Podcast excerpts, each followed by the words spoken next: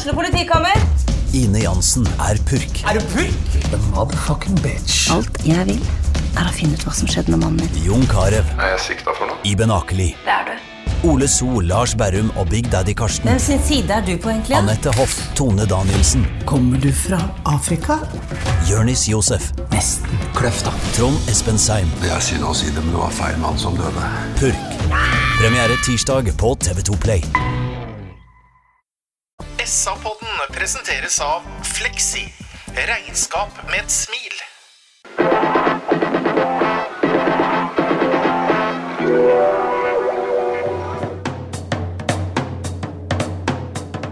Sarpsborg Arbeiderblad gir deg en ny episode av SA-podden med Sven René Nygård, Øystein Weber, Petter Kalnes og Bjørn Inge Bingen Nilsen. Her er SAs uh, fotballpodkast SA-podden.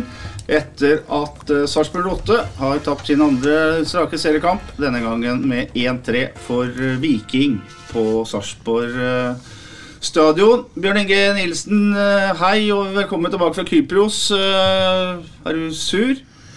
Nei, jeg er ikke sur, men det kjennes jo litt tråkig først på overtid i Tromsø forrige søndag og den i dag. Jeg syns eh, jeg syns det er et par ting vi kunne gjort litt annerledes, men vi kan prate mer om det etterpå. Uh, Sven René Nygaard, hjertelig til stede du og første tanken din? Nei, Første tanken min jeg sitter her nå, er at jeg er veldig glad for å ha tilbake Bingen. da, fordi at eh, Før i tida så kalte jeg jo Øyvind Hoaas for en gresk gud. Men vi har, jo, vi har jo en annen gresk gud her, og det er jo Bingen. Han ser jo sånn ut. Nå legger jeg merke til at han har faktisk et gullkjede i halsen med en ring på og greier. Det er ordentlig sånn der eh, Harlem eh, håper å si Globetrotters, eller hva det var. Men eh, hva var det du spurte om? Det skal du bare blåse i. Øystein Weberg. Uh, fotball er uh, opp- og nedturer. Ja, det er opp- og nedturer her, og som vi har vært inne på noen ganger, så er det kanskje nedturene som gjør at eh, oppturene blir ekstra. da. For det er klart det er tungt nå å så ha kasta bort uh, to strake kamper. Det har jo ikke i hele tatt vært vant til. Vært inne i en, en rekke av kamper her som har vært lang, men nå er vi litt grann i retning av et spor vi må komme oss fort ut av. Ja, for uh, Bjørn Inge, vi kan ta hovedinntrykket først. Eh, et av inntrykkene jeg sitter igjen med, er at det var liksom så energiløst, særlig den første timen, syns jeg. Ja, vi Det var jo først øh, Vi kom jo på, på, på, ja, si, på overskudd av energi mot slutten av kampen. Det var øh, Jeg syns det var skummelt hver gang Viking øh, fikk slått inn en ball. Vi kom aldri foran og fikk brutt. Jeg syns vi var veldig energiløse i forhold til det å ha kjappe pasninger. Jeg syns vi transporterte for mye, og så ble det å dytte den to-tre-meteren. Jeg syns eh, vi har sett mye skarpere ut tidligere. Mulig vi har en liten formsvakke nå. Og så er jo to svar i dag som Sven kan eh, ta over på og fortelle om det ene. Men det er jo noen Vi får svar på et par ting i dag. Og Sven kan sikkert ta den senere. Men eh, jeg har sett, sett oss litt skarpere, og vi skal ikke kimse av 15 poeng eh, hittil i sesongen. Men når vi hadde det helt i våre hender oppe mot Tromsø forrige helg, og så får vi den utviklingen som endte med tap der, til at vi taper i dag, den er liksom litt, den er litt tung, skal jeg være helt ærlig. For vi ønsker jo å være med litt høyere oppe, og vi hadde en opptur i cupen om onsdagen eh, hjemme mot Odd, og dem går stand i dag og slår eh, Molde hjemme på, på Skagerrak Arena, hvis det heter det enda.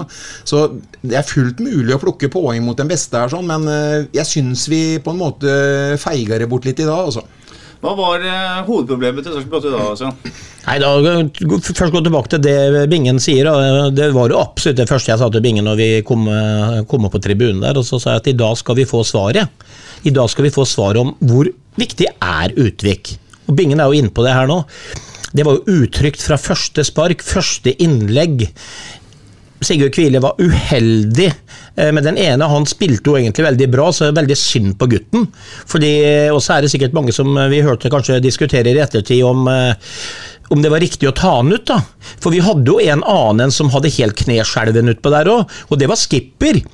Og da, som jeg sier, altså Hvis du legger det som dette, så er det jo tydelig at der hadde Utvik spilt med Kvile i dag, så hadde han vært tryggere. Hadde Utvik spilt med Skipper, så hadde han vært tryggere som han har vært tidligere. Så han betyr dessverre ekstremt mye, og det sa Billborn til meg på intervjuet etterpå indirekte, at han er viktig på alle mulige måter. Og da fikk vi iallfall svar på det. Men hovedinntrykket mitt i dag er akkurat som det du åpna med i forhold til Bingen. Energiløst. Førsteomgangen er noe av det dårligste jeg har sett av 08 på lang, lang tid. Eh, ikke bare det vi har prata om defensivt, det offensive mønsteret var helt fraværende. Bevegelse uten ball var dårlig. Pasningskvaliteten var dårlig. Og når du legger de sammen det her, så blir det rett og slett holdt jeg på å si et stygt ord, veldig dårlig. Og det var, det var det. Og vi kom oss aldri opp på, opp på hesten ordentlig. Og så kan man si at vi snudde ting i andre omganger. Og, men det er tilbake til dynamikken. Viking leder, har kontroll, begynner å legge seg bakpå. Vi må, og da blir det naturlig et trykk. Men under det trykket der, oi, kunne vært 1-6. Har du noe å tilføye når det gjelder hovedinntrykket, Øystein? Nei, Det blir litt av det samme. Vi mangla storebroren i dag i Midtforsvaret. Det er som eh, det, er som, eh, det alltid sikkert er med lillebrødre, at de savner storebroren sin. Eh, For det er klart at vi får svar som Sven er inne på. at Det er ikke bare det at Utvik har vært fantastisk god for oss i år, men det er også det at han, han har utvikla en del av spillet sitt som går på å kunne igangsette angrep. Han er ganske lur. Han, han, han nesten litt sånn har vært litt vår Erik Hoftun for dem som er gamle nok til å huske han i år. Det var dessverre ikke de som spiller stopper her i dag, uten å lage det noe større enn det er. Men du så at de spilte ikke heller med den nødvendige kan du si, tryggheten da, uh, som, som, skal til. Det gikk mer på å uh, gi ballen videre til, til junior, f.eks., som kom ned og tok imot den. Uh, det gjaldt for så vidt både Kvile og skipper. Så vi, vi savna Bjørn Inge Utvik, det er det i hvert fall ingen tvil om. Det er vårt lodd her i livet å være etterpåkloke. og Det kan vi gjøre etter at vi har tatt tatt, uh, dratt gjennom lagoppstillinga, som i og for seg er interessant. Uh, både av når vi starta kampen, men uh, også når vi er etterpåkloke etterpå. Kan jeg bare for å Jeg, jeg må si en ting en ting det som påvirker kampen vår i dag, Petter. Som jeg, jeg, du skal få ta lagoppstillingen etterpå. Det er derfor jeg er her. Og jeg må også si vi fikk to svar. Det var det jeg innleda med. Og svar nummer to er, og jeg gidder ikke høre på noe sånn tullprat og prate seg bort på at vi, vi ser an totalbelastningen. Det er at Pascal Lundqvist, så lenge han sitter på benken og er frisk, og det er 14 dager til neste seriekamp, og det er én uke treningsfri fra i dag til neste søndag, så skal Pascal Lundqvist spille alle dager han sitter på benken, eller alle dager han er i troppen. Det er noe forbanna tøys, og vi var jo helt fraværende på bevegelighet i første omgang. Og vi kjente ikke igjen laget i forhold til eh, kombinasjonsspillet vårt. Ingen verdens tingen. Og du ser når han kommer inn i annen omgang at det blir et helt, helt annet lag. Så det er en, eh, en, en taktisk vurdering som Billbjørn og Bjørklund bør ta på sin kappe. Ja, ja. ja Det var altså et tema jeg hadde tenkt å ta opp etter at jeg tok lagoppstillingen, men vi tok det før. Anders Kristiansen står i mål fra start. Uh, Eirik Vikte og Joakim Solseth er bekkene. Det er jo ingen uh, overraskelse. Sånn skal det være. Så får altså unge Sigurd Kvile, som har vært ute i syv måneder Han har spilt uh, den de han fikk med seg av cupkampen mot Odd. Ellers har han knapt nok spilt fotball. Han spiller stopper sammen med Anton Skipper. Junior Jeppe Andersen sentralt. Kristoffer Bonsoba til høyre. Simon Timling til venstre. Viktor Torp er den dype spissen. Og Mikkel Maigård er eh, overraskende nok eh, spydspissen. Jeg sier overraskende nok. For nå har vi venta på Mikkel Maigård, Sven, og jeg syns endelig de siste kampene at han har vært eh, sett skarp ut. Eh, enten som litt tilbaketrukken eller på ene kanten. Ja da, og jeg spurte jo Maigard om det etter matchen, om eh, hva han hadde fått som begrunnelse for at han skulle være spiss. Og spurte han rett og slett hvorfor om det, og det, det, han sa, det var at de ser på meg som en intelligent spiller. Det var svaret. Ja. Eh, så ville ikke jeg kontre med om han var luftens baron, liksom, men, men, men det er veldig spesielt. Og det, det, det Bingen er innpå der, det glemte jeg å si i starten min sjøl, altså, det er jo helt merkelig. Altså Pascal har jo vært den drivkrafta offensivt. Og vi prata om det i bilen hitover, Petter. og jeg tenkte ikke på det, faktisk, men du sa jo det rett som ingen sa nå. Det er jo lenge til neste kamp på. Mm. Så det er liksom ikke vits å spare han nå. For Billborn vil jo ha han ut sesongen, sånn at da vi, kan vi ikke drive rovdrift på han. Men det er jo ikke noe rovdrift med 14 dagers uh, restitusjon. Og det er jo som sagt to forskjellige fotballag første og annen omgang, etter at han kom inn. Det blei jo liv og røre med en gang. Så det der var en, eh, en taktisk bommert, enkelt og greit, i mine øyne. Mm. Vi har snakka om dette her før. Uh, Billborn hvis vi da ser bort fra Pascal, da. Det valget der er jo, må være begrunna av noe annet. Men så, ellers så vil eh, Stefan Bilborn ha med de spillerne han mener er best mm. offensivt. Mm. utelukkende, nesten, fordi han da velger å bruke forskjellige folk for eksempel som midtspiss. Altså Han har ikke en leid spiss, som han nesten sier, på topp. Det er jo et faktum. Ja, ja. Pascal Lundqvist er ikke best som midtspiss. Uh, Margot er ikke. Eh, vi har flere som har spilt der. Uh, ja, det er primært dem der, da, som Ja, har spilt, uh, spilt der. Men Øystein, eh, hva tenker du om det faktum at de spiller uten spiss, for å si det litt enkelt? Jeg tenker at det er ikke heldig, og, og jeg syns at vi ser det tydelig da òg. At, at vi, vi mangler en, en ren midtspiss, en lærd midtspiss. Så i den grad en liksom famler litt i blinde her, jeg vet ikke om en famler egentlig i blinde, en bruker de ressursene en har, men det er ikke noe tvil om at øh, vi mangler den rene, den rene midtspissen som kunne, kunne stått på banen i, i stort sett en hel kamp. Det er vel det som er noe av ankepunktet med en, med en Fardal Opseth. For en Fardal Opseth i år igjen leverer jo for så vidt eh, mål, han. eh, basert på ikke all verdens med spilletid. Jeg har ikke målt det i år, men jeg tipper at han er i nærheten av eh, toppen vår i forhold til Vi må måle det mot eh, spilte minutter, men han, han kan heller ikke spille en hel kamp som vi har vært inne på noen ganger tidligere. og Da blir det, da leter du etter noen sånne konstellasjoner som ikke er optimale. Og det er jo helt riktig, altså det er mye pent å si om eh, Mikkel Maigård, men noe, men noe ren eh, midtspiss, det er noe definitivt ikke. For det er jo både, jeg synes det er to ting, Bjørn Inge. Jeg synes det er liksom det opp, oppbyggende spillet og det at man skal true bakrom og, og også ha en spiss som møter og skal spille i bena på den og sånn. Det er det ene. Altså det er spissbevegelsene. Men det andre er jo disse innleggene. Det virker ikke som vikingstoppere har eh, store problemer. Brekalo er jo en mest sannsynligvis for god stopper for, for, for den divisjonen vi er i i Norge. Vi er, de er gode eh, når vi de er gode når vi Eller du ser forskjellen når Viking truer oss med innlegg. Så lenge Utvik er gode, som er eh, Eller så, så lenge Utvik er borte, som er den eh, jeg holdt si, ballasten vår eh, i forhold til å bryte foran, både med ben og med kropp og med hode og med lår og med alle lemmer som er, så ser du at Viking eh, gjør det når vi angriper. Vi blir egentlig veldig tatt på senga at de er så aggressive mot oss. De står opp. Bon Suba ble jo egentlig kledd veldig naken. Sven sa liksom på, på fleip, altså det er på fleip, kjære lyttere.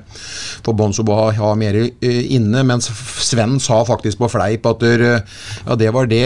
For en måned siden skulle vi selge den for 100 millioner, nå får vi problemer med å låne ut til KFUM. Det var jo selvfølgelig Ja, det er fleip, folkens. Ja, det er, det er fleip. Men du ser at de var mye mer alert enn oss. De var oppe og sto høyt i oss.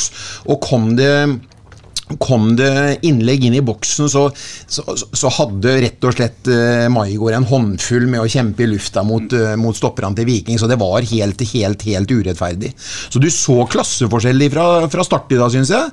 Og så blir vi forbanna på at han ligger nede, han kapteinen deres. Uh, vi blir, de irriterer oss, og de irriterer publikum. De irriterer våre spillere. Så liksom, De hadde oss egentlig De bandt oss litt med en eneste gang. De var tøffere enn oss. De var mer, mer alert i dag. De, jeg, jeg vil si at de var mer til stede helt ifra dommeren blåste i fløyta i dag. Ja. Ja, og For å ta det siste først. Jeg tenker at de vikingspillerne, når de hører reaksjonene fra Sarpsborg stadion, så tenker de nå er vi definitivt på rett spor her. De, de, vi setter oss i en posisjon hvor de kan, eh, de kan eh, u- spille ut sin, eh, sin kynisme. Men, men det er jo riktig det som Bingen sier, at eh, vi har jo mange ganger snakka om at eh, vi mangler kan du si, den, den eh, dødballstyrken da, både i eh, offensiv og defensiv boks. Og det er klart, Da følger jo på en måte ytterligere en følgefeil at Utvik ikke spiller da. For han er jo en tøffing inni der og har bevist det både defensivt, men ikke minst også i år offensivt, eh, hvor farlig han, han er. Når vi plukker vekk han i tillegg, så blir det, da blir det på en måte Da blir vi tynne, altså. Vi må erkjenne det. Laguttaket Vi har allerede vært inne på at Lundqvist ikke starter. Det bør vi ikke bruke mer energi på. For der tror jeg vi er 100 enige alle sammen. Og jeg tror jeg som Bingen sier også at uh, Bjørklund og uh, Bilborn er i ettertid. Ja, de må ta det på sin kappe. Ja, det er et uh, Det ser ut som et feilvalg. Eh, det at de setter Sigurd Kvile inn på laget, Sven, etter å ha vært ute så lenge som han har vært, hva tenkte du når du så det? Nei, altså, det, det lille jeg har sett av Sigurd Kvile, da, eh, det er at jeg ser et enormt potensial. Altså Det er en fysikk. Han har ruver i hodedueller. Han er rask som et lyn egentlig på lange løp. Han har fått noen kamper i Bodø-Glimt før det ble skadet der oppe osv. Så, så, veldig fint å få i gang gutten, tenkte jeg. Eh, og jeg står på det, og hvis de Kvile skulle høre på den poden her, så vil jeg bare si det at det er bare å stå på. fordi den feilen han gjorde der, som på en måte prega han veldig etterpå, og som på en måte prega det eh, at de tok han av, så kan man diskutere det også, da, om eh, Fikk vi betalt for det? Altså Alternativet der var å kunne ha junior framme i midtbaneleddet. Han mista vi, og da, datt, da, da mista du ekstremt mye. Kanskje skulle gutten faktisk fått lov til å spille seg opp da. For det kan være en eh, ordentlig trøkk i trynet, det der òg. Samtidig være lei seg. Eh, eh, føle at du gjorde en bra kamp mot Odd. Gjør én feil, så setter du deg ned i garderoben i pausa, og så du skal ut. Ung, lovende gutt. Så jeg, jeg er ikke helt enig i det. Du er ikke enig i at de tok den ut? Nei, egentlig ikke. Fordi at Alternativet blir ja, kanskje vi føler oss tryggere da, med en junior som kommer ned, som du vet Junior kan gått ut på høyrering, han vet har gjort en bra jobb. Tror du jaggu han kunne gått inn og vært keeper, selv om han er 1,40 høy. Men han er bare så god på å kunne Er ikke Martin opp. Høiland i troppen i dag? Nei, men jeg er ikke ferdig, Bingen. Det òg. Det syns jeg er veldig rart, at Martin Høiland ikke blir eventuelt, når han først skal gjøre det byttet. Hvorfor dra vekk junior juniorer fra det her eh, mønsteret vi har offensivt, med at han plukker opp alle i leddet og strør litt rundt seg? Så det er en del rare ting her i dag. Men jeg forstår at Kvile kan bli tatt ut. Men jeg tror han kunne med hell fått lov til å prøve seg litt til. For det var ikke noe selvtillitsbyggende valg man tok der heller, i mine øyne. Nei, det spørs hvordan man behandler nå i ettertid. Det er jo viktig den jobben som blir gjort i ettertid. Ja, selvfølgelig. Jeg tror at uh, både for gutten sin Eller jeg syns da, både for gutten sin del og for laget, så tror jeg det var en riktig beslutning å la han være igjen i garderoben. For uh, han fant jo ikke tilbake etter den, den feilen han gjorde, og han og skipper gikk jo ikke i hop i det hele tatt. Så, men det er en uh, vurdering. Høyland er i troppen, kunne kommet til som midtstopper. Da må du må bruke to bytter allerede der, da, i og med at Pascal skal inn på. Så det kan jo være det, er den vurderinga. Ja, men det er mange bytter har de med, Petter. Ja, de har fem. Ja, da har de tre til. Altså, Eller jeg, jeg, fem mann, da. Ja, jeg, jeg mener at du kan ikke legge antall bytter. Altså, det er bare én fotballomgang igjen. Og hvis du gjør begge dem to, du har fortsatt tre store bytter å ta. Og det, det Nei, den kjøper jeg ikke. Ja da, og så vil jeg bare også for å litt sånn eh, ikke strø noe unødvendig eh, salt i såret her, så var det ikke skipper tryggheten selv å spille sammen med i dag for Kvila, altså. Så, så han fikk også vanskeligere kår. Kvila hadde helt sikkert eh, gjort en bedre jobb i, i, i spann med Utvik, men nå er det vel eh, snart brukt opp den taletida hvor vi skal snakke om en som ikke spilte i dag, kanskje. Det er jeg helt enig. Så bare sier vi til han eh, Sigurd Kvile at du kommer til å komme kraftig tilbake. For det, er, Ja, ja. det der er et råmateriale som er eh, helt eh, Han slår, han slår den ikke bevisst i det rommet heller, for ettersom jeg kan se, så er det en eh, Uheldig klarering. Er det rett og slett en, en han, han, Det blir en overball av det. Han, eh, han flyter ikke 20 meter i lufta sånn som han ønska at han skulle gjøre, og så blir det en retningsforandring som blir helt feil på han. Det blir et feil treffpunkt på ballen, og han spør hun sjøl etterpå, så er ikke meninga å slå inn der. Nei, sånn, altså. Han får ikke slått den, han får den ikke til å flyte, og det var ikke meninga i hele tatt, og da blir det helt forferdelig når han setter den, og jeg syns egentlig Egentlig så var Anders veldig, veldig, veldig veldig dekka, for at det var ikke noe skarpt skudd fra, fra distanse som bare satt i nettveggen heller. For at det ble litt sånn Wow, tar du ikke den, tenkte jeg med en gang han ja. slo forbi den. Og så det hadde gått an å tatt den òg. Skitt for hvile, og det kan diskuteres om det var riktig om han skulle gå ut eller ikke, men uansett, du reiser deg i en hvile, fysikken din er udiskutabel, huespillet ditt når du tør er, eh, er godt nok, så det er bare at å stå på, du får flere sjanser. Den skåringen kommer altså etter tolv minutters spill. Eh, der har altså Sigurd Kvile eh, tar ned ballen på kassa, går litt tilbake i banen, og så kan han bare løfte ut ballen. og så Får han ikke treff, som Bingen ganske riktig sier, treffer Harald Nilsen Tangjong, som uh, bruker et par touch, og så legger han en bredside utafor Anders Kristiansens rekkevidde. Du har allerede vært inne på det, Bingen, men er uh, To spørsmål. Er, er Anders Kristiansen feilplassert i det skuddet går? Og to, er det noe teknisk her som gjør at han ikke får liksom Nei, jeg, jeg, velger, jeg velger å stole på intuisjonen min. Én av to, eller det er at han, han må være dekka i det ballen går. Jeg syns det er rart at ikke han kommer ut av den, den skyggen, den pasningsskyggen, rett og slett. For at der, han slår en ball rett bort i hjørnet som uh, egentlig Den er fort ifra en 18-20 meter, den ballen der. Han er ikke innafor 16 engang idet han slår til ballen. Så jeg syns det er, går, er rart han går utafor rekkevidden hans, men Anders har sikkert en forklaring på det. Kan hende at han eh, er dekka rett og slett idet ballen blir slått. For at det er ikke noe Han flyter ikke og pang i nettveggen, den her. altså Den triller mer eller mindre. Ja, ja. Det er eh, sånn at den, De første tolv minuttene her er ganske innholdsrike, faktisk. Selv om uh, vi alle er enige om at det var noe stå over hjemmelagets uh, spill. Men eh, det er bare gått snart to minutter når eh, Mikkel Margaard egentlig har en eh, stor sjanse. Innlegg fra Vikne da Margaard ikke når helt fram til på første stolpe, hvis dere husker den. Han skled fram og han bare får toucha den, så hadde jo det blitt eh, Ja, den er, den er veldig stor. En liten, liten touch der, og så går den inn, vet du. Og så må ikke Anders Kristiansen i aksjon etter tre minutter, for da er det et uh, skudd, fra, skudd innlegg fra Fotparaden. Herman Haugen, heter han vel, som Herman Johan Haugen, ja. Som eh, Anders eh, har kontroll på. Eh, så kommer et av de innleggene vi har snakka om, Sven, nemlig den som blir slått mellom midtstopperen og keeperen. Det, det var Viking Det var de opptatt av. Ja, ja. Og det er jo liksom der jeg uh, syns jeg så den største forskjellen i dag. da. For der eh, De har liksom Utvik pleid å lese. Man får jo bestandig kasta ut et bein eller et hue der, og så stanges det bare utover igjen, liksom. Eller få- gå ut.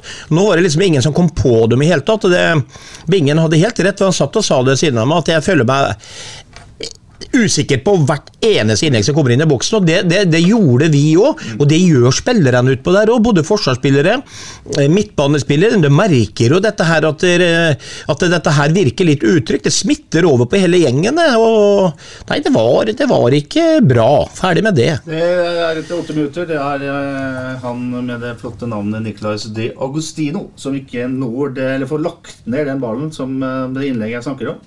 Ni minutter. Kjempesjanse for uh, Eirik Vikne. Det er Jeppe, som finner, Jeppe Andersen som finner Simon Tibling. Tibling slår flott ut i 45 grader. Og den ballen har ikke landet ennå. Øystein.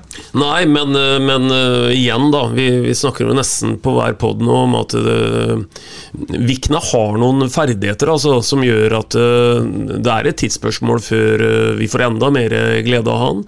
Og han kan godt bruke farta si og komme oftere i, i posisjon og i det hele tatt. Han, det er litt marginer nå, men, men bare kjør på du, Eirik Vikne. Du har et råpotensial som vi nesten ikke har sett av i byen. Han prøver å dunke det inn med venstrebenet, men treffer han gærent, gæren, så han går rett til værs. Ti minutter. Kristoffer Bonzoba dribler seg inn i banen, skyter, prøver å legge den første hjørne.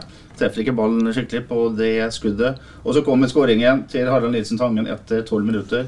Da er det 0-1, og ja, det var, tung, det var tungt. Ja, og så kan vi i hvert fall si at det som i den grad aldri så gærent så er det godt for noe, noe da, så ser vi at det er sånne feil, og vi har vært inne på feilen, og det er selvsagt et uhell, men vi kan altså ikke tillate oss det, da, for da, da smeller det. Eh, Det er ikke ofte du kanskje blir så brutalt straffa i Eliteserien, men det ble vi i den situasjonen der. Det er én feilpasning, og så får vi det 1-0 bak, og da begynner bakken å bli bratt med en gang.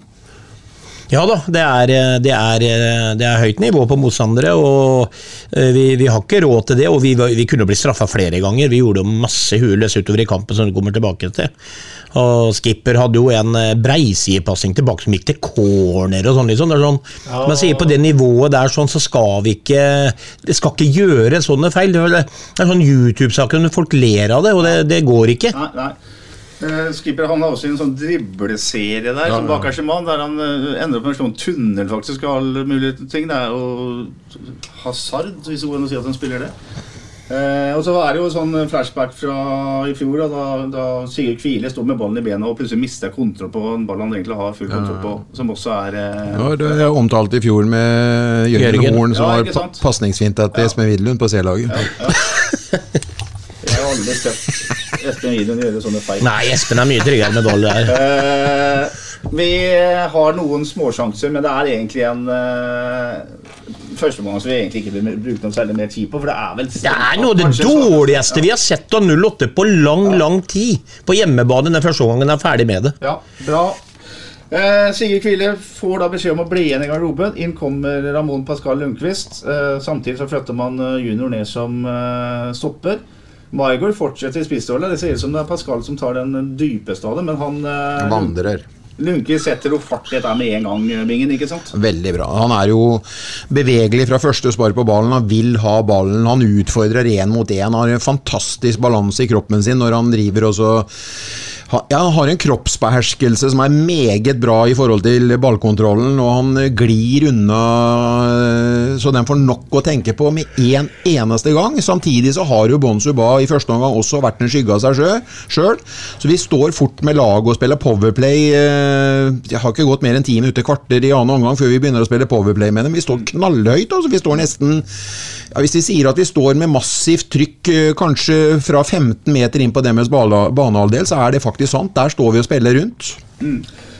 Helt enig. Pascal tok tak i det med en gang. og Det har ikke gått et minutt engang før eh, Pascal vinner eller treffer eh, Soltvedt, som slår et innlegg som uh, Eirik Viktig dessverre ikke får hedda annet enn del på keeper. Nei, men Han hedder godt, og han hedder hardt. altså godt, Ikke godt nok da, i forhold til retning på den osv. Men han treffer den veldig bra. og og Det er en sånn type sjanse som det er nesten større sannsynlighet for at det går inn, enn at han ikke går inn. Der, der har Viking flyt. At ikke vi rett og slett har 1 igjen etter et minutt der. For Hvis han går til, til side for uh, keeper Ja, Den er så hard som bare den er litt så Nei. han den. Keeperen får den igjen eh, glimrende, hvis Ja. det er den du tenker Ja, på, hvor han ligger venstre. Ja, ja, ja, Ja, ja. Han får, altså Går den eh, mot eh, nettveggen eller nærmere stolpen, så, så går den inn. Ja. Og det er allerede, sier du to minutter, eller? Ja, det har jo ikke gått et minutt. Nei, det er Under så tidlig. tid. Det er med en gang. ja Eh, og Det er jo en lovende start, men dessverre så allerede etter to minutter Sven, så slipper Sarpsborg inn en eh, dødball. De har jo vært gode på offensiv dødball, men eh,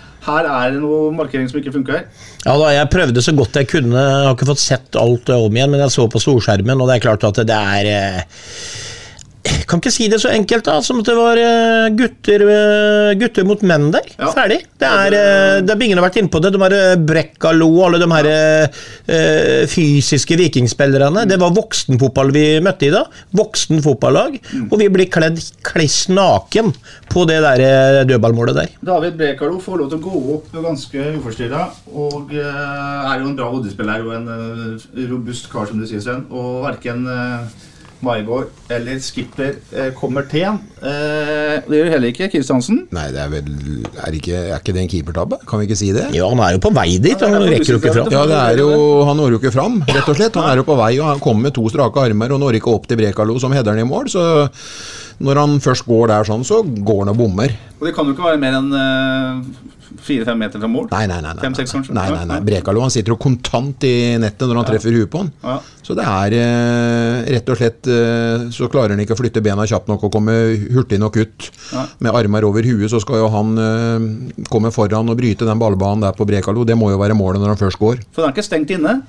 Altså Anders Kristiansen. Nei, da får han jo stå, da. Ja. Ja, ja. ja, ikke sant. Ja da, der, har han noe rett, for jeg jo la merke til at han var jo på, prøvde å ta to skritt fram, opp med begge hendene, og når jo ikke, er jo ikke i nærheten, så da må han stå, da, som Bingen sier. Ja, 51 minutter så er det et veldig bra angrep som ender med at uh, Pascal Lundqvist prøver et C-moment med en hæl fra ganske langt hold. Han treffer ikke uh, hælspark i det hele tatt. Nei, han kan ikke skåre der. Eh, da, det, det hadde sikkert vært mulig, men, men det, det blir for tamt med det holdet der. Og det- det skal veldig veldig mye til at han kan gå inn. Eh, 56 minutter. Simon Tibling eh, blir sendt av banen, og inn kommer Christian Fardal Opseth. Og da har man på en måte en eh, mer sånn som vi kan kalle en typisk spiss på banen.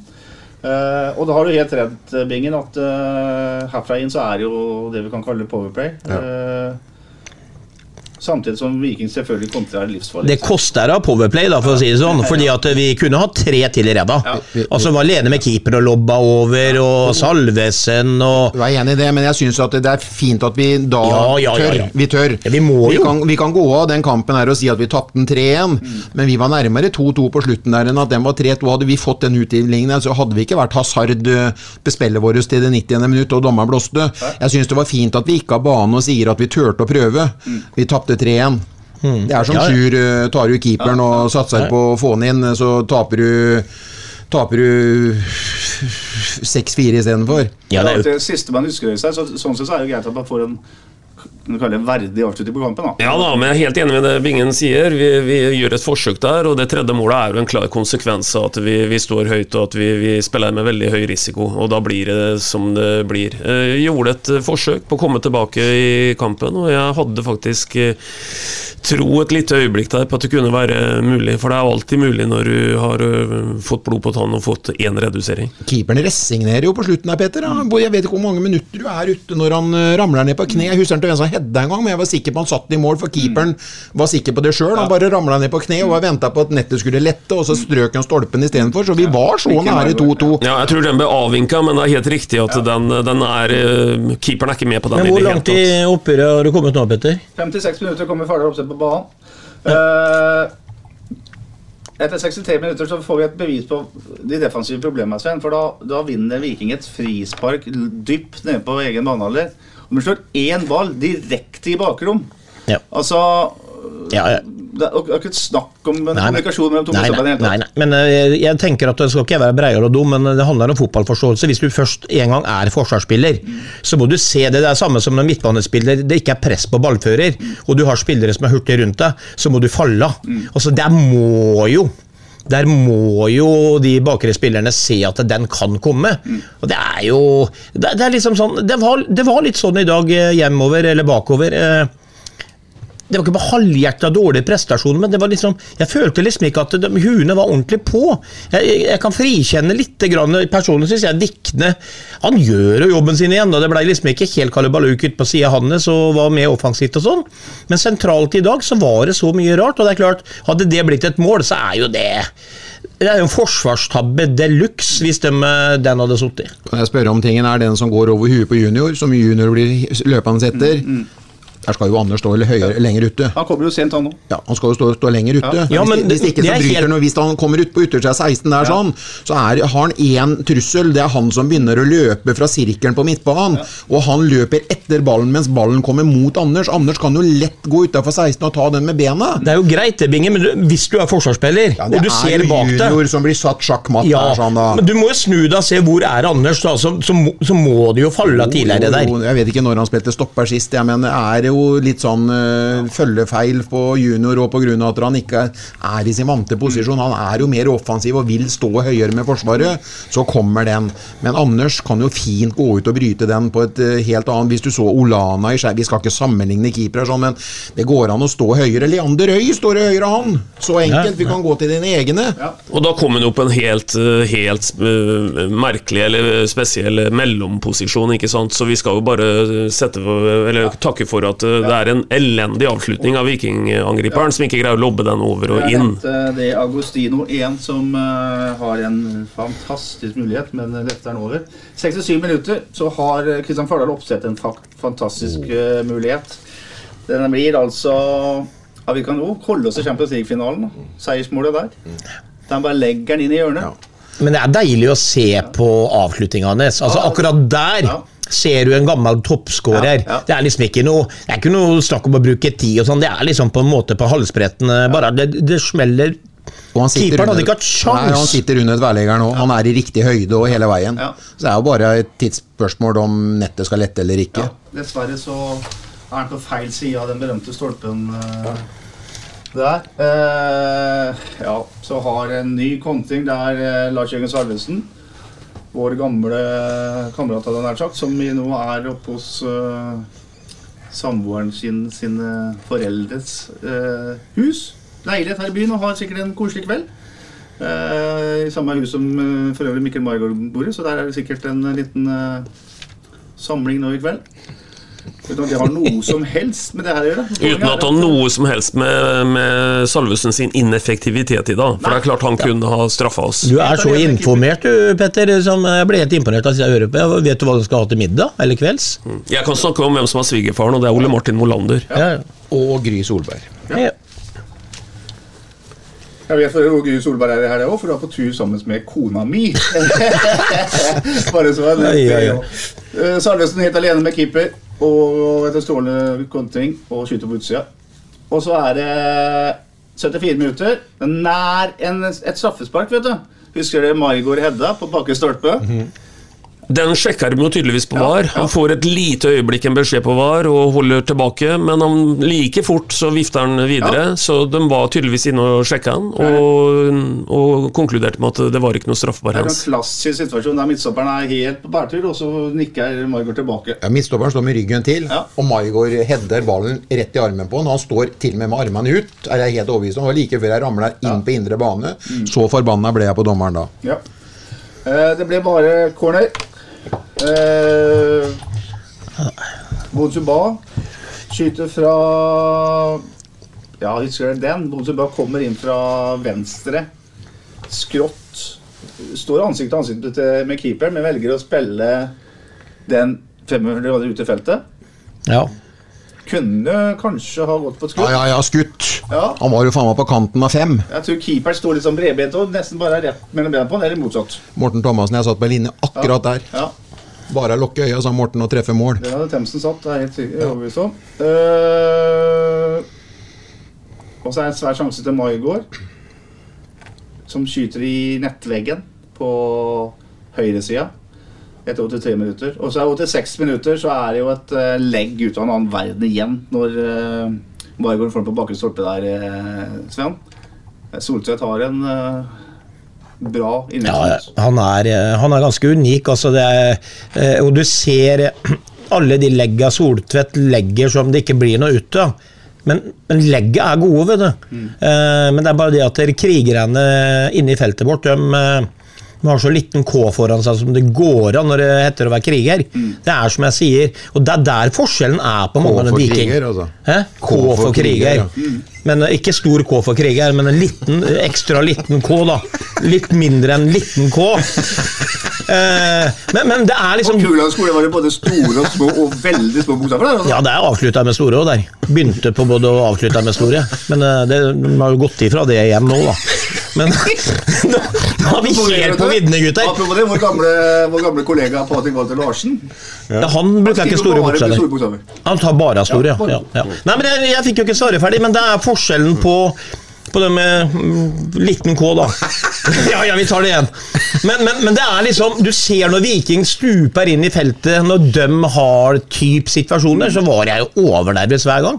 Men det er jo liksom De er jo ikke redde inne i, i feltet til Viking. Da Brekkalå de bare står og rister på huet og bare peiser ut igjen. Så vi, vi må omsette alle de gode innleggene som Soltvedt tar i en kamp. Man må oppsøke de innleggene, og så må man krige inn den ballen for n-te gang. Ja, og så ser vi noe veldig gjenkjennelig da. eh, målgivende, ikke sant. Nå har vi Soltvedt som begynner å få et respektabelt antall målpoeng. Dette gjentar seg jo. Og vi har en Maigård som har den nesa vi har snakka om. Han er ikke noe ren spiss, det har vi gjentatt, men han har en evne til å vite hvor den ballen skal lande hen. Og det har du, vet du, når vi har sett det så mange ganger som vi har. Eh, Vi, vi så det et par ganger i fjor, eh, magisk samspill mellom de to guttene der. Og vi har sett det et par ganger i år. Og, og dette her er ikke noe tilfeldighet, altså. Og det kan nok være en av grunnene til at Maigård spilte min spiss i dag. Rett og slett Ja, fordi at han lukter de legga på en litt annen måte enn de andre gutta har gjort. Og det var vel egentlig det han sa til meg mellom linjene. De ser på meg som intelligent fotballspiller. Og vi har jo skrøt om at han kommer der hvor den nedfallsfrukta kommer. Og i dag fikk han muligheten til det, og ja, skåra i hvert fall et mål. Men tenk for en vi, vi, Det er jo liksom ikke lov til å komme i kritikk her i den byen her. Men tenk for en dårlig jobb det er gjort på spissplass foran den sesongen her sånn da, i Sarpsborg 08. Når vi stoler på Mogens Gustav Mogensen, det skal være Fardal Oppsett, og det skal være Skålevik. Og så ender vi med på at når ikke Pascal Lundfis spiller spiss, eller hengende spiss, eller hva du kaller det, så spiller faderen med Maigård. Maigård. Hadde jeg vært eh, han som skåra første mål mot Hammerfest i går, så hadde jeg vel bedt om å satt, bli satt på transferlista med en eneste gang. Det hadde jeg ikke giddet å vært med på. Nei, men, men det er, vi er tilbake til jeg, skjønner du hvor dårlig jobb det er gjort foran jeg, jeg sesongen her i forhold til det her, forstår eller? jeg veldig godt, Bingen, er kritikken der, og jeg kjøper den.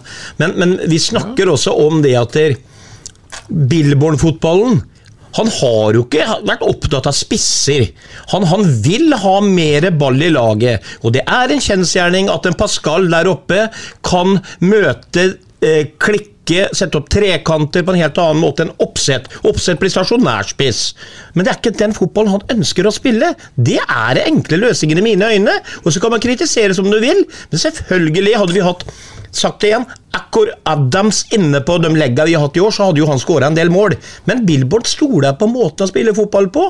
Og så må jeg bare si det en gang til. Nå skal ikke jeg være snill mot 08, men Tromsø-kampen Åssen vi kjører sirkusnummer med dem i første omgang. Og vi skulle ha vunnet den kampen. Det er jo marginer på det. Det, det må vi være ærlige på. Også hvis vi hadde vunnet der i dag, da.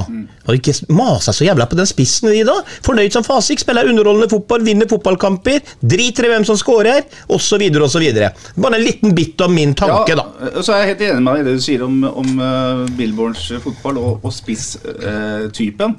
Men vi må ikke bli helt historieløse. Det er ikke mer enn et eh, år siden vi var, eh, hadde en Gustav Engvald her i byen. Som jo er en spiss som går i bakrom, og som river og sliter motstanderen. En annen type enn det du får ut fra en eh, type Mikkel Maigård. Altså det, er, det er ikke riktig at Billborn ikke vil, vil ha spisser. Nei da, nei da, nei da, jeg kjøper den. Ja, ja. Men han har vel indirekte sagt det sjøl også, at uh, han ser gjerne at uh, kantspillere setter den ballen i mål istedenfor en spiss, og, og de vil ha ball possession. Ja, jeg registrerer altså følgende også, at vi har eh, etterlyst Margaard. Margot. Eh, målproduksjon. Nå er han i gang. Og han også, har også tre svære mål, eller to eller tre svære målsjanser i tillegg til den goalen han har etter 86 minutter. Samtlige sjanser kommer etter at han går ut og spiller høyrekant. Jeg bare nevner det. Ja, og vi har jo snakka også om det. Det går an å bytte kanter. Altså Det går an å prøve Bonsu på venstre kant. Det gjør hun jo delvis i annen omgang i, i dag. Og i dag ser jo alle selvsagt at eh, Bon Suba har absolutt ikke sin beste kamp. Men det dreier seg ikke om at han eh, spiller på motsatt kant av hva han vanligvis eh, gjør, for han har i utgangspunktet ferdigheter til å kunne spille på begge kantene. Ja, Etter eh, 90 minutter og vel så det, så kommer den headinga fra Margot som du nevnte i stad, Bjørn Inge. Ja. Nei, jo. Eh, på første stolpe, så må man bare forlenge med huet. Det er jo bare Ja, men der kommer vel flagget òg, da. Da kommer flagget. Ja. Okay. Det, det tror jeg ikke. Er det den situasjonen som jeg sa var offside i forkant? Nei. Jo, jeg tror flagget kommer på den. Vi kan nå sjekke ut den i etterkant, men jeg tror det, altså. Ja, Jeg tror var det For Bonsi Ba var i offside da han fikk ballen, og så var det tungt, tungt flagg. Er det den du tenker på, Weber? Nei, nei, Nei, nei. jeg tenker ikke på den. Jeg tenker på den han eh, den. ja, jeg tenker rett og slett på den som på en måte ikke går mot hjørnet som innlegget kommer fra, men motsatt hjørne.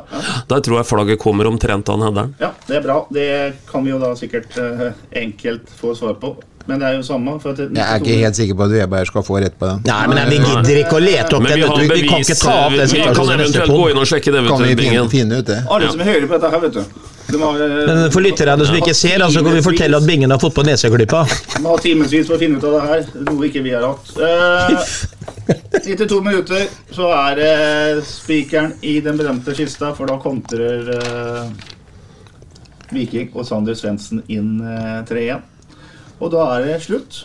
Det ender 1-3 på Sarpsborg stadion, og eh, folk var skuffa når de ikke er med, da.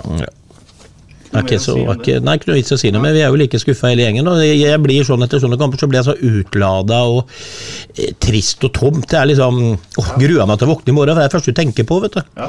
Så det, ja. Da er det ikke ingen tvil om at uh, det skal bli godt. At i neste kamp så, som går mot Rosenborg om to uker, så er Bjørn Inge Utvik tilbake i Midtforsvaret. For han eh, må altså sone én seriekamp og én cupkamp. Hvor lenge skal Lundqvist være her? Lundqvist har kontrakt ut sesongen. Ut sesongen. Det var veldig bra. Fikk spørsmål om det, skjønner du. Ja. ja. Nå fikk du svaret, da datt klypa di. gikk sikkert til deg, vet du, for de har hørt at du er med i sånn pod, og da, da er det jo sånne ting du egentlig skal kunne. Vålerenga-Sandefjord 0-1. Sikkert en uh... Nei, Strømsgodset, vel. Unnskyld. Ja, jeg følger med, vet du. Vålerenga Strømskose 0-1. Vålerenga-Strømskose. Hvorfor skriver jeg Sandefjord da? Sandefjord tror jeg ryker mer. Men det som er poeng, er at uh, Fagermo er sikkert ikke spesielt blid. Ålesund-Tromsø 2-3. Var det riktig, Bjørn Inge? Ålesund-Tromsø 2-3. Takk. Stemmer. HamKam får uh, tape 3-0 mot uh, Glimt. Molde taper 1-0 i Skien. Og Stabæk-Rosenborg spiller 2-2. Og så er det en kamp som går mellom Brann og Ikke si noe. Ikke si noe, Ikke jeg skal si se det Han skal nettopp. se noe, altså. Men uh, lytterne våre sa Nei, men lytterne um, får jo ikke før i morgen. Ja. Haugesund vinner 3-2 over Sandefjord. Ja, det er helt uh, riktig. Det egentlig serierunda viser oss, det er at det er ett lag i Norge som er overlegent, som bare vinner, vinner, vinner, vinner etter Bodø-Glimt. Og bak der så kan alle slå alle. Det er egentlig det som eh, bevises i Ja, dag. nå er vi Tromsø faktisk veldig høyt oppe. Troms og Brann deler Ja, men dere, hva er det som gjør at uh, vi, vi sitter her og får litt sånn vitring? Vi er oppe på noen medaljegreier og sånn. Og så kommer en sånn backlash som det her. Hva er det vi mangler? Hva er det som mangles? Nei, men Det mangles vel akkurat Eller det er vel akkurat det jeg nå sa, da. At, eh, at det her har jo en veldig veldig jevn eh, liga. I hvert fall sånn topp åtte. Men vi glemmer Bodø-Glimt i den, eh, den diskusjonen her. For nå har vi møtt to lag som ligger rundt oss på tabellen. Og vi skal jo ikke glemme da at vi, vi har f.eks. veldig god statistikk mot Viking borte, f.eks. Der har vi vunnet noen kamper. Og, og det er jo på håret, som vi har vært innom flere ganger nå, at vi får med oss noe fra Tromsø. Det er rett og slett veldig jevnt fra nummer to til nummer ti på den tabellen her. Det tror jeg er hovedforklaringen. Ja, Sånn som det står akkurat nå, når Brann og Lillestrøm spiller, så har Bodø-Glimt 31 poeng etter 11 matcher. Brann er nummer to på 20, altså 11 poeng. Det betyr at vi kan gratulere Bodø-Glimt med seriemesterskapet 2023. Gratulerer. 20 poeng har også Tromsø på tredje. Per nå har Lillestrøm 19, Viking 17, Molde 16. Og da Sarpsborg 8 på nummer 7 med 15 poeng, som også Stabæk har også 15. Rosenborg har 13, og Rosenborg er, som jeg nevnte, motstander den 25. i sjette. Da vi skal eh, spille inn en podkast, og det skal vi rett og slett gjøre direkte fra Olsen pub klokken 19.30. Så alle som eh, har lyst på en helaften, dem går på Olsen, ser kampen. Og jeg tipper Jørgen Andersen har både noe godt i glasset og på tallerkenen til dem. Og så får vi høre hva vi mener om kampen etterpå. Det kan bli litt morsomt. Øystein. Det kan bli veldig morsomt, og så håper jeg at vi, vi ikke nå reiser til Trondheim og tenker sånn klassisk i forhold til hvor overmakt det vanligvis har vært å reise til, til Lerkendal, for det har det jo vært. Men det er ikke sånn nå. Vi avslutta i fjor med å slå dem borte, og, og Rosenborg øh, sliter altså. De sliter, de, de får så vidt kara til seg et poeng på Nadderud i dag, og det bør være mulig å reise til, til Lerkendal og så få med seg både ett og tre poeng. Ellers så er det vel sånn at du så at de kanskje trenger en liten pause nå, disse Sarpsborg 8-spillerne, Sven. De får en litt, liten kort ferie nå. Ja da, men det, det er jo derfor vi poengterte at det virka energiløs og fantasiløs og alt dette her. Og varmt var i dag som vanlig, og det har vært mye kamper. Cupene har kommet pressa innimellom. Og Men uh, Viking de kunne jo trengt pause, dem òg. Så de, de, de var jo i startblokka fra starten. Altså det, det er det, det jeg sitter igjen med sånn irritasjon nå, at vi ikke varer på ordentlig fra begynnelsen av, syns jeg. da.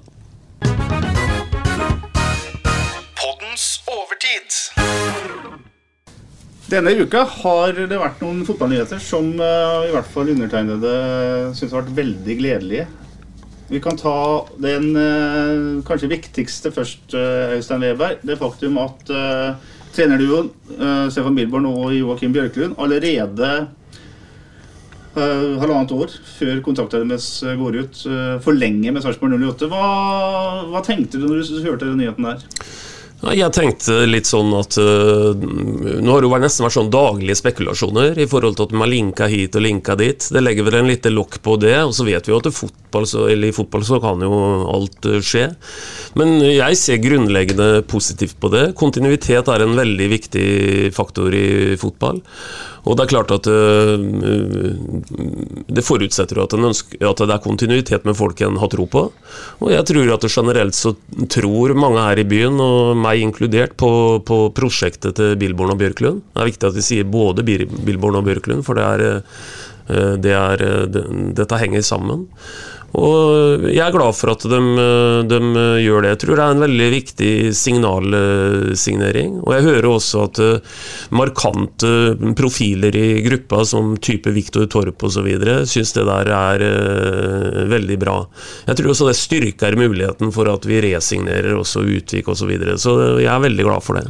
Du som er gammel sportskjøpbringen nå du var jo sånn type som sparka flere trenere enn du ansatte, da, men uh, Jeg måtte jo det, for de var ansatte. Det dugde jo ikke. Nei, ikke sant? Ja. Det er også, det er også uh, Så lenge før kontrakten går ut, og så tidlig i prosjektet gi dem en ny uh, kontrakt som gjør at de totalt kommer til å være her i fem år. Hva, hva tenkte du om det? Jeg, jeg, var, jeg tenkte at det var veldig flott. Jeg syns det, var, eh, det, en, jeg synes det er en veldig fin eh, kombinasjon med De utfyller hverandre veldig bra. eh, Både som mennesker og på treningsfeltet, og de, de nyter respekt i spillergruppa. Og jeg kan ikke skjønne noe annet enn at det her må være et veldig pluss for utviklingen vår videre. Sånne som meg borte i Sverige, altså de som har yrket mitt, eh, Sven, de har jo skrevet om at eh, Billborn både skal til IFK, og at det er snart er ledig jobb til Hammarby, og det ene med det andre. Så sier han sjøl til oss, at, eh, eller til SA, da, at jeg vil være i Sarpsborg, her er det et bra forhold, her kan jeg utvikle meg, og det er et prosjekt han virkelig tror på. Betyr det at Sarpsborg 08, Sarpsborg by, har eh, kommet et stykke på vei her? Ja da, eh, Sarpsborg 08 er jo, er jo attraktivt det i norsk fotball. altså Det er attraktivt for unge spillere spesielt, som har store talenter. og det Der går det jo langt tilbake til tid fra alle dem vi har henta som har fått lov til å gå, og, og gått oppover i karriere, alltid fra Zakarias og de gutta der. Men men det signaleffekten med at så attraktive trenere som de to gutta der er, velger å resignere eller ta en lengre avtale, det er jo en, et eh, skikkelig skup i mine øyne. Og jeg leser også mellom linjene der etter intervjuet, Petter, at jeg har blitt lovet eh, at sentrale spillere skal fortsette eh, i sentrallinja osv. Så, videre, og så, så tror jeg det ligger en del bak der, at dere, som Øystein var inne på, det med resigneringer osv med f.eks. en utvik da, og lovnad om andre ting, så kan du ikke noe annet enn bli ekstremt glad. Vi har jo, altså Tenk deg en av de første poddene når han kom her, hvordan vi satt og hylla den fotballen. Vi klaga på det vi så under Stare med 0-0-kamper og 1-0-tap, fra at det blei mye mål og underholdende fotball, og det vet vi at han kommer til å fortsette med. Vi er privilegert, vi nå, som har et fotballag som ønsker å fremstå sånn som de gjør, og de to er de største opponentene i norsk fotball på akkurat det, og derfor så er det nydelig at de går på videre. Du hørte jo hva han uh, sa til her om dagen òg. Sånn, han som du kalte for pancho, eller hva du kalte for poncho, eller, som heter Nei, ikke poncho! Nei, jeg tuller. Jeg så Han sa også det at det er en attraktiv fotball, og det er fint å ha sånne typer i eh, norsk fotball. Ja, og så en ting til. Eh, I den grad eh, det fremføres noe bløff innimellom, så må det i så fall være når Billborn og kompani hadde vært her i kvarters tid, og en hevda at uh, hel spillergruppe forsto nøyaktig hvordan det offensive mønsteret til Billborn var, for det var jo selvfølgelig bare tull. Alle skjønner at det vi gikk fra, riktignok med sånn en uh, mellomperiode der som, som var kanskje en bro, bro over til Billborn fra Stare med, med Bohinen, dette var å spille fotball på en annerledes måte. Og da er det logisk i, min, min, i mitt hode at det at en gir dette her nå mer tid, og rett og slett forhåpentlig også, også, det hører med til det jeg sier nå, at en greier å bevare en slags sånn en kjernestamme i dette her, det vil bare være gunstig. Så, så jeg tror at uh, dette her har vi ikke dette prosjektet her har ikke pika ennå. Dette, dette, uh, det er mye mer å glede seg til, tror jeg. Vi kan vel slå fast, Bingen, eh, uten at vi vet hva som har blitt sagt og hva som har blitt lovt, så må jo Stefan Billborn ha fått en, et, en lovnad fra Raymond Fjell her om at det blir en satsing også i framtida. Ja, og den satsinga den går på mindre stall, bedre kvalitet på opp mot 20 spillere, og helt annerledes enn det hvordan stall- stallen har blitt eh, satt sammen i dag. Det er jeg helt overbevist om. Ja, Bare unnskyld at jeg spør, men er det noe du vet, eller tar du ut i ditt eget hode? Nei, men eh, jeg legger sammen to pluss to. Hvor Mye blir det? Fire. Fire. Bra, Bingen. Fire. For det Bra. er interessant, det du sier der. For det har vi jo snakka også om, at uh, Sørlandsmetallen er eh, voldsom. En annen nyhet er at unge spissen Rakai ble sendt til Raufoss. Uh, skal være der en måneds tid. Tror du han uh, får noe førstevisjonsspill, Sven? Jeg håper det. Eh, Det er viktig for gutten. Så håper jeg holder seg frisk, da. for det har jo vært veldig mye skader der òg. Han har jo et råmateriale, han òg, i forhold til fysikk og bra fart og en fysisk spiss. Eh, og det er klart at der, eh, Hvis han skulle lykkes der, og få spillet til å skåre mål, så kan jo det gjøre underverket for den unggutten der som, eh, som på en måte har vært og trent på det høyeste nivået i Norge lenge nå. Så vi får håpe på det. Så får vi håpe at de har litt baller og is i magen oppe i Raufoss, at de kaster han innpå litt og lar han få feile. Og, og bli en joker for dem, for Raufoss sliter jo. Han har faktisk spilt i Raufoss, da. Han, spilte, han kom innpå i går. Ja. eh, Ti minutter. Ble okay. Bytta inn etter 80 minutter. Så han er allerede i gang i Raufoss. Ja, det var en, jeg kan bare sjekke om hans sønn hadde fulgt med. Og det hadde Ja, det hadde jo ikke. Nei, men så- altså, ti minutter er jo En annen ting som uh, har skjedd denne uka her, eh, Bingen, det er at mens man jakter på en eh, sportssjef, så har man uh, gjort en liten omorganisering med å utvide sportsutvalget i Sarpsborg 8. Eh, det betyr at eh, i et nytt utvalg nå, som skal ledes av Bjørge Øyestad Øyestad, som vi vet, var eh, Thomas Berntsens høyre og venstre hånd. i den gang det går an det. Han var meg meget sentral. Øyestad er leder, og der sitter trener Stefan Bilborn. Der sitter Magnus Edlund, som jo er klubbens nye utviklingssjef òg. Det er jo den tredje nyheten denne uka. Der sitter Cato Clausen, som er sportslig administrativ leder. Der sitter Pål Espen Ramberg fra styret, gammel eh, midtstopper. Der sitter leder Raymond Fjell, og der skal den nye sportssjefen eh, sitte. Sportsutvalg, er det noe å drive en moderne fotballklubb på det, Bingen? Jeg har vært med på det etter at jeg ga meg som sportssjef eh, i 08. Bjørge tok over etter meg. Og vi, Bjørge turte ikke å ta den, for da var det på frivillig basis. Og vi danna sportsutvalg den gangen, så det er ikke nytt for meg. Og da satt vi bl.a. i det sportsutvalget, Kai Andersen, jeg, Dag Navestad, Espen Engebretsen, Bjørge Øyestad, Jan Christian Fjærestad. Mm Den gangen for å støtte Bjørge. Og så ble Thomas ansatt på halv ti, og så ble Thomas ansatt på full tid. Og Da var ikke det forankra ordentlig nok i styret til at det sportsutvalget skulle bli Eller at det skulle fullføres. Og da ble det egentlig ganske raskt, etter en måned eller noe sånt, noe, lagt ned, for da skulle Berntsen styre det sportslige selv. Jeg håper at eh, den forankringa fortsetter når en sportssjef eh, kommer på plass. For jeg mener at eh, det er ikke dumt med en påvirkning fra flere hoder i, i, i enkelte saker, men selvfølgelig så skal ikke en sportssjef måtte henvende seg til sportsutvalget i alle saker han gjør, så lenge det er forankra i forhold til eh, trenerstaben og innenfor økonomien og budsjettrammene som man har til rådighet. Det, det mener jeg. Så det går an å ha litt kortere, kortere veier. Det kan by på noen utfordringer, men jeg tror ikke det gjør noe hvis han ønsker å lene seg på sportsutvalg. Så er det der. Men det skal ikke være overordna at en skal bruke sportsutvalget i alle saker. Det har jeg ikke noe tro på. Det de sier nå, Øystein, er at sportsutvalget er på en måte klubbens eh, øverste sportslige organ. Uh, sportssjefen er en del av det. Man snakker om at man er redd for trenerstyrte klubber. Uh, her gjør man jo grep for at man ikke skal få i det grad det går an å si at det er sportssjefstyrte klubber. Eh, følger du den tankegangen? Ja, den følger jeg. Og det, det er viktig det, at en, en etablerer noe som er veldig klubbstyrt. Så det er nok eh, riktig å si at de navnene du leser opp der, alle sammen, de vil ha helt forskjellige roller inn i dette her. Alle, alle skjønner det. Eh, noen, noen har noen økonomiske hovedlinjer å ta hensyn til. Og noen er mer, mer dedikert direkte mot fotballfaget. Da.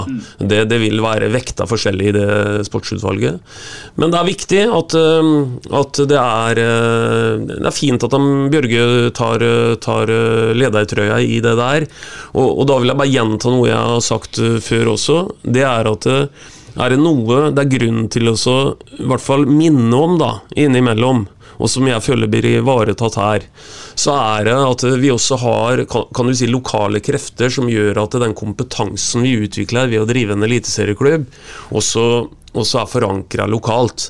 Så det ikke blir sånn at eh, en bare hadde kan du si, outsourca dette til eksterne eh, kilder, og så en dag så går det ikke like bra lenger. Det, det er jo sånn etter eh, sol kommer regn på et eller annet tidspunkt. Plutselig så var kanskje mye av det fordufta.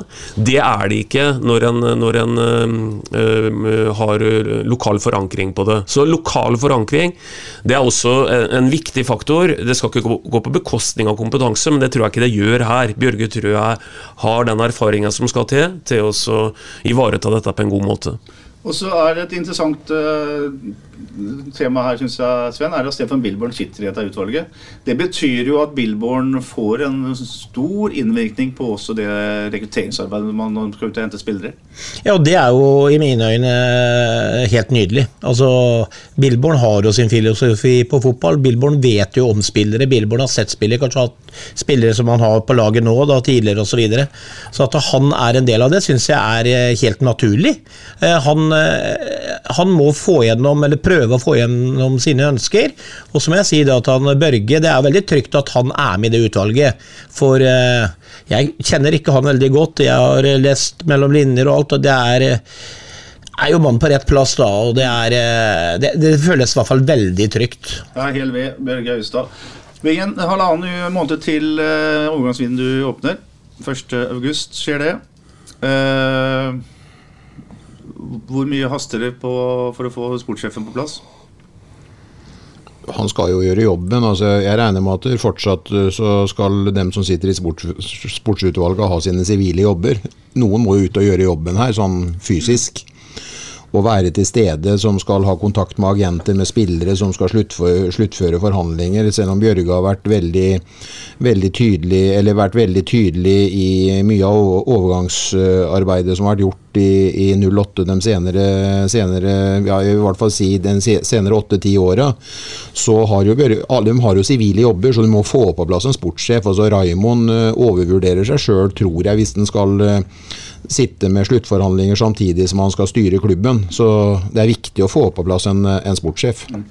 Men jeg tenker også, jeg nevnte her en gang, og så tror jeg Bingen vrei litt på det, men jeg nevnte her en gang det der med at det er alltid tid til å gjøre det riktig den første gangen, da, i forhold til stressmomentet med tid. Og, og så tenkte jeg i etterkant, Bingen, når jeg hadde sagt det, at det- er det noe den klubben her har erfart, så er det jo å gå litt i den kalde fella. For dere husker eh, i 2015, da skulle vi ansette en eh, daglig leder. Og han var daglig leder i Sarpsborg fra september til januar, tror jeg. Ikke sant? Så, så, så det er også en del hassel med det, hvis du ikke treffer riktig. Så jeg eh, tenker eh, Travelt, men med en viss moderering. Det er liksom litt sånn overskriften på det. Eh, og nå har vi det utvalget også på plass, som ikke skal eh, heller operere i noe sånn totalt eh, vakuum. Så jeg tenker at de har kontroll på dette, altså en uke eller tre fram og tilbake. For jeg tror det kommer en Det kommer nok opp et navn nå relativt snart, tenker jeg. Bra. eh, Podden gir iallfall tommel opp til både trenerforlengelsen og det nye sportsutvalget. Og når podden gir tommel opp, Sven, da er det bra, vet du. Ja, det er jo, det er jo, det er jo Solli, det som sitter her òg. Det er eh, Det blir bra, det her.